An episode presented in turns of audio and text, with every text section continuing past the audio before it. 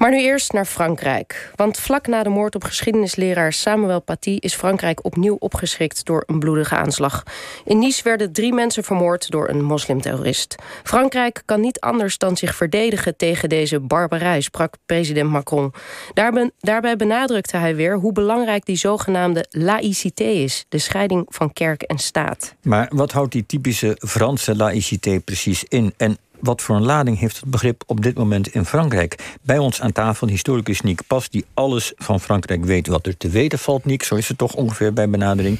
Uh, Nick, ehm, we hebben nu een, een, een, iets rustige tijd gehad en dan ineens weer twee aanslagen. Ik, kwam het voor jou als een verrassing of zit het toch in je achterhoofd? Dit kan steeds gebeuren. Nou, het kan uh, in Frankrijk altijd gebeuren. Uh, heeft de geschiedenis van de afgelopen jaren laten zien. Maar uh, dit keer was, de, de was er een heel specifieke context. Namelijk het proces tegen de aanslagplegers en mededaders van Charlie Hebdo. Eh, begin 2015, dus bijna zes jaar geleden. En dat proces begonnen uh, begin september. En dat loopt nog tot half november, dus nog een paar weken.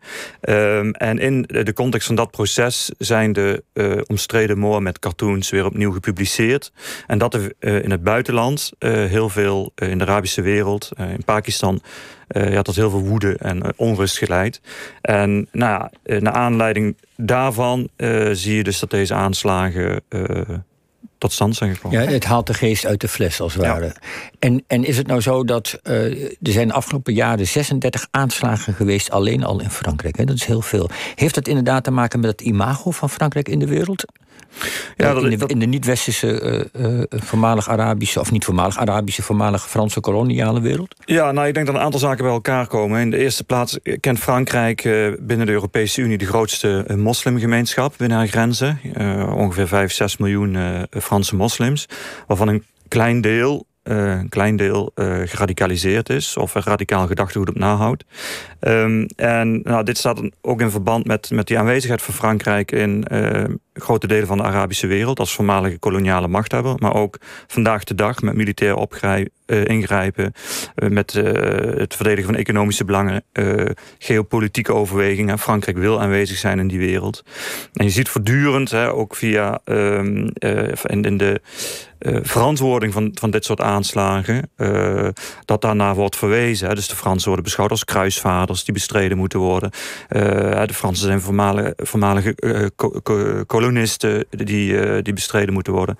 En Frankrijk staat voor symbool op zekere hoogte voor het vrije Westen. Hè. Dus de westerse waarden, democratische waarden, vrijheid van meningsuiting enzovoort. En daarin is Frankrijk natuurlijk heel erg zichtbaar. Want dat, daar staat Macron ook bekend om. Iemand ook die niet wars is van uh, nou, stevige taal... een absolute verdediger van de idealen van de republiek. Hij zei eerder, Frankrijk staat geen separatistische avonturen toe... omdat de republiek ondeelbaar is. Wat bedoelt hij daar dan precies mee, met die ondeelbare republiek? Ja, dat is een, een uh, klassiek uh, republikeins gegeven, uitspraak. dus de Franse republiek is één en ondeelbaar. en dat wil zeggen dat Frankrijk een, een opvatting huldigt... waarbij uh, alle Franse burgers gelijk zijn voor, uh, voor, voor de wet. Uh, en dat de Franse Republiek leunt op een aantal kernwaarden van nou, een van de belangrijkste, of organisatorische principes moeten we zeggen, een van de belangrijkste die laïcité is. en die geldt voor iedereen. En die maakt vrijheid en gelijkheid mogelijk. Daar heeft hij het steeds over, inderdaad, die laïcité uit 1905, de, de, de basis van die ondeelbare republiek. Kun je kort uitleggen wat het is? Ja, laïcité is eigenlijk heel, heel eenvoudig gezegd een, een ordeningsprincipe. Dus hoe de maatschappij wordt ingericht. En uh, die berust op een aantal pijlers, waarbij uh, uh, de eerste uh, eruit bestaat dat er vrijheid van geweten is. Liberté de conscience. Je mag in Frankrijk geloven. En ook heel belangrijk, je mag in Frankrijk ook niet geloven. Dus dat is wettelijk vastgelegd. En het tweede hele belangrijke element daarbij is dat kerk en staat gescheiden zijn.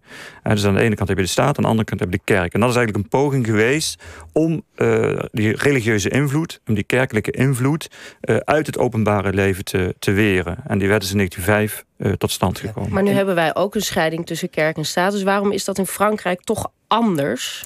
Nou, omdat dan een ongelooflijk uh, uh, ingewikkelde en bloedige geschiedenis aan vooraf gaat.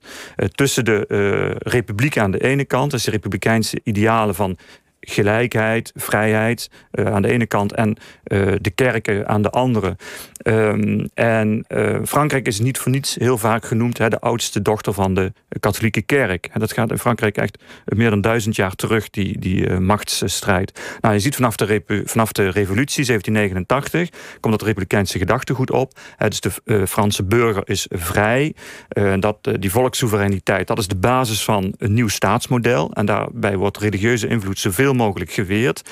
En vervolgens duurde het eigenlijk 100 jaar voordat dat republikeinse denken, voordat die republiek verankerd is. En dat begint eigenlijk pas eind 19e eeuw met de Derde Republiek vanaf 1871. En dan duurde het nog 30, 40 jaar voordat zeg maar, deze wet uh, van, uh, over, op de laïcité uh, tot stand komt. Dus er gaat een heel lang conflict aan vooraf tussen kerk en republiek. Ja, want, want hoe moeten we ons dat dan nog even, om daar nog even bij stil te staan, hoe moeten we dat ons ongeveer voorstellen? Een strijd tussen kerk en republiek. Is het dan zo dat de republiek bang is dat die kerk samenzweringen gaat uitvoeren? Of dat die kerk mensen hun geest bederft, zodat ze niet republikeinse waarden willen uh, geloven? Wat, wat, wat is precies het angstpunt?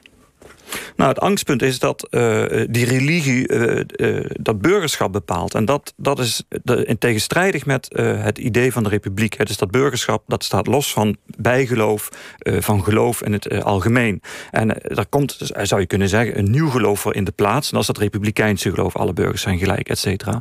Een heel concreet punt waarin je die strijd terugziet in de 19e eeuw... en eigenlijk ook tot op de dag van vandaag, is het onderwijs.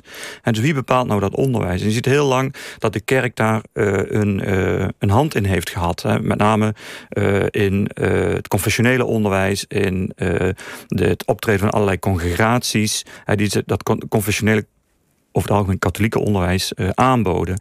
En je ziet dus in, in, in de loop van de 19e eeuw dat die republiek probeert om dat onderwijs naar zich toe te trekken. Omdat dat natuurlijk een ongelooflijk krachtige emancipatoire, uh, emancipatoire middel is om die burger tot burger te vormen. Hè, waarbij natuurlijk dan de religie uh, naar buiten duwt, naar de privésfeer duwt. Daarom kwam die aanslag op de geschiedenisleraar misschien wel extra hard aan. Ja, en zeker een geschiedenisleraar waarbij al dit soort elementen samenkomen. Want het is lager onderwijs of middelbaar onderwijs en dat is openbaar. Religie heeft daar geen functie. En uh, dat is zeg maar de, de, de plek waar die republikeinse waarden worden uitgedragen. Nou bestaat ook wel het idee uh, dat die laïcité echt anti-religieus is. Klopt dat? Nee, nogmaals, de laïcité is, is een ordeningsprincipe, is een manier om die maatschappij in te richten. En die maakt juist, het, uh, dat is het uitgangspunt, het, uh, het bestaan van allerlei religies in de maatschappij mogelijk. Uh, dat is de voorwaarde. Nogmaals, je kunt in Frankrijk geloven of niet geloven. En de staat, die waarborgt dat. en ehm, de staat zelf is religieus neutraal. Maar hoe waarborgt? Want in 1905 wordt die Laten, we mogen het ook gewoon een wet noemen, hè, die laïcité. Ja, ja zeker. Ja. Uh, wordt die wet geïmplementeerd? Hoe hoe waarborgt de staat het dan? Eh, faciliteren ze iets? Helpen? Eh, hoe gaat dat? Nou, een heel concreet punt is bijvoorbeeld eh, de, de bouw van, van kerken, synagogen en moskeeën. Nou, alles wat zeg maar, tot 1905 in Frankrijk is, dat, dat is dan van de staat. Dat is de inboedel van de staat. Dus daar is de Franse overheid verantwoordelijk voor. Alle moskeeën, kerken en synagogen die later zijn gebouwd, die kan de staat niet meer financieren, want die heeft zich teruggetrokken. Maar de staat creëert wel de voorwaarden. Dus uh, daarbij moet je denken aan erfpachtconstructies, uh, aan uh, functies als cultureel centra, die kunnen wel gefinancierd en gesubsidieerd worden. En die maken dus mogelijk dat er plekken ontstaan, georganiseerd, waar gelovigen hun geloof kunnen beleiden. en die voorwaarden, dus daar zorgt de Franse overheid voor. Maar je, je, je zegt het is een soort uitruil geweest. Hè? De, de, kerken moeten het openbare leven uit en het privé, het is een privézaak geloof. En wij als overheid helpen je daarbij om die plekken ook te hebben. Maar is het dan misschien toch ook een klein beetje zo dat je zegt: uh, jullie moeten terug in je hok en je hokken staan er al en wij helpen jullie je hok te onderhouden? Nou, um, maar dat is een hele negatieve interpretatie. Hè? Nogmaals, het, uh, de, de, de achterliggende gedachte is dat op deze manier de, uh, de Franse maatschappij uh, dat die verschillende religies ook kunnen, kunnen, kunnen samenleven. en dat die dus op afstand staan van, van de staat, van de republiek. Dat de republiek neutraal is. en iedereen, dus elke Franse burger, dat burgerschap, iedereen is, is gelijk voor, voor de wet. En in dat kader. En die laïcité is een, is, een, is een waarborg daarvoor. Nu denkt, was er een onderzoek dat bijna 80% van de Fransen het gevoel heeft dat die laïcité onder druk staat. Waar komt dat gevoel uit voort? Nou, ik denk dat uh, wat we de laatste jaren zien in Frankrijk, dat er een enorme eh, polarisatie aan de gang is in de, in de samenleving. En dat een, een, uh, aan de ene kant um, ja, dat er een valkuil is ontstaan waarbij die laïcité wordt beschouwd echt als een ideologisch instrument. He, dus laïcité overal. Terwijl nogmaals, het is een algemeen ordeningsprincipe dat in de praktijk op allerlei gebieden helemaal niet uh, tot in detail is vastgelegd. Hè. Dus dat is, uh, in de dagelijkse praktijk wordt dat heel pragmatisch ook vaak ingevuld. Um, maar je ziet juist dat door die, de, de toelopende, toenemende spanning in die Franse samenleving, um, ja, die laïcité steeds ja, vanuit bepaalde hoeken ideologisch wordt ingezet. Hè, met name op, uh, op rechts. het Rassemblement National van Marine Le Pen wil eigenlijk dat die laïcité tot in detail in die Franse samenleving wordt, wordt doorgevoerd. En dat is natuurlijk volstrekt absurd. Ja. Dat kan niet. Daar is die laïcité niet voor. Nee, en, en, en als we nou die laïcité zien als een, een tegemoetkoming aan, aan godsdienst, hè, zoals het, jij zegt dat het in zekere zin ook bedoeld is in 1905. Als we nu 100, ruim 100 jaar later, hebben de moslimsgemeenschappen er ook van kunnen profiteren? Hebben die er wat aan gehad, zeg maar, aan die, hebben die, zijn die ook tegemoet gekomen door die laïcité? Of zijn ze vooral nou, tegengewerkt? Nou, tegenwerkt wil, wil, ik niet zeggen. Tegenmoet gekomen nog niet helemaal. Het grote probleem met uh, de Franse islam alhoewel je daar kun je niet van spreken, zijn Franse islam's, die, is ongelooflijk divers en, en rijk geschakeerd, is dat die heel snel is gegroeid van, uh, van 1980 tot heden, zeg maar binnen uh, één generatie van 1 tot circa 6 miljoen leden. En dat de Franse overheid heel veel moeite heeft om zeg maar, een, uh, een duidelijke gesprekspartner ook te vinden in die uh, islam. Want die is onderling uh, vanuit Noord-Afrika, Midden-Oosten, Turkije enorm divers. het probleem is daarbij dat ehm, het niet helemaal duidelijk is hoe zeg maar, financieringsstromen werken naar Franse moskeeën toe vanuit het buitenland. Daar wil Parijs graag meer duidelijkheid in hebben. Omdat er namelijk via die buitenlandse wegen allerlei uh, radicale uh, stromingen uh, ontstaan en, en zich bewegen. Nou, daar, nou dat, dat hebben we gezien, dat, dat, wil, dat wil die staat niet. En, en daarnaast wil, wil, wil en dat is ook het wetsvoorstel waar, waar Macron mee is gekomen, daarnaast wil de Franse overheid heel graag komen tot, een, tot Franse imamopleidingen. Dus Franse imams. En die worden op dit moment voor een groot deel ingevlogen uit het buitenland. Nou, kun je zeggen, dat is allemaal geen probleem, financieringsstromen, uh, imams. Etc. Maar dat maakt dat uh, de, de, de wijze waarop die Franse islam uh, integreert heel problematisch is. er is. Er is nauwelijks een gesprekspartner. Het is een soort mozaïek aan bewegingen en stromingen... waarvan een klein deel dus heel radicaal is... en helemaal niks moet weten van die republiek.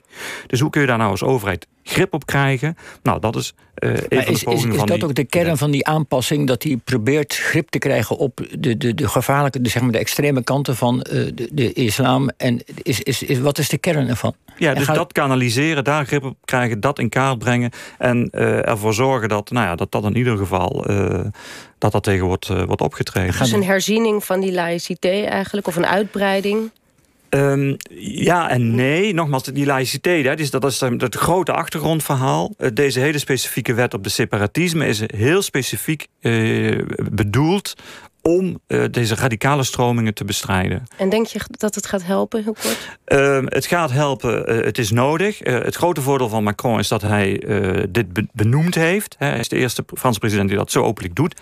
Maar, zeg ik daarbij, wat absoluut ook moet gebeuren... is niet alleen repressie, maar ook maatschappelijk maatwerk. Hè. Er moet veel meer werk worden gemaakt in Frankrijk... van uh, maatwerk naar de islamitische gemeenschap toe. Hè. Denk daar bijvoorbeeld aan het instellen van uh, uh, Arabisch op de scholen... van een Arabisch theologische leerstoel. allemaal dat soort elementen. Om zeg maar, die islamitische bevolking ook echt het gevoel te geven... dat ze een plek hebben in die republiek. Dat ze erbij horen, ja. werkelijk, ja. Goed, Nick Pas, hartelijk dank voor je toelichting.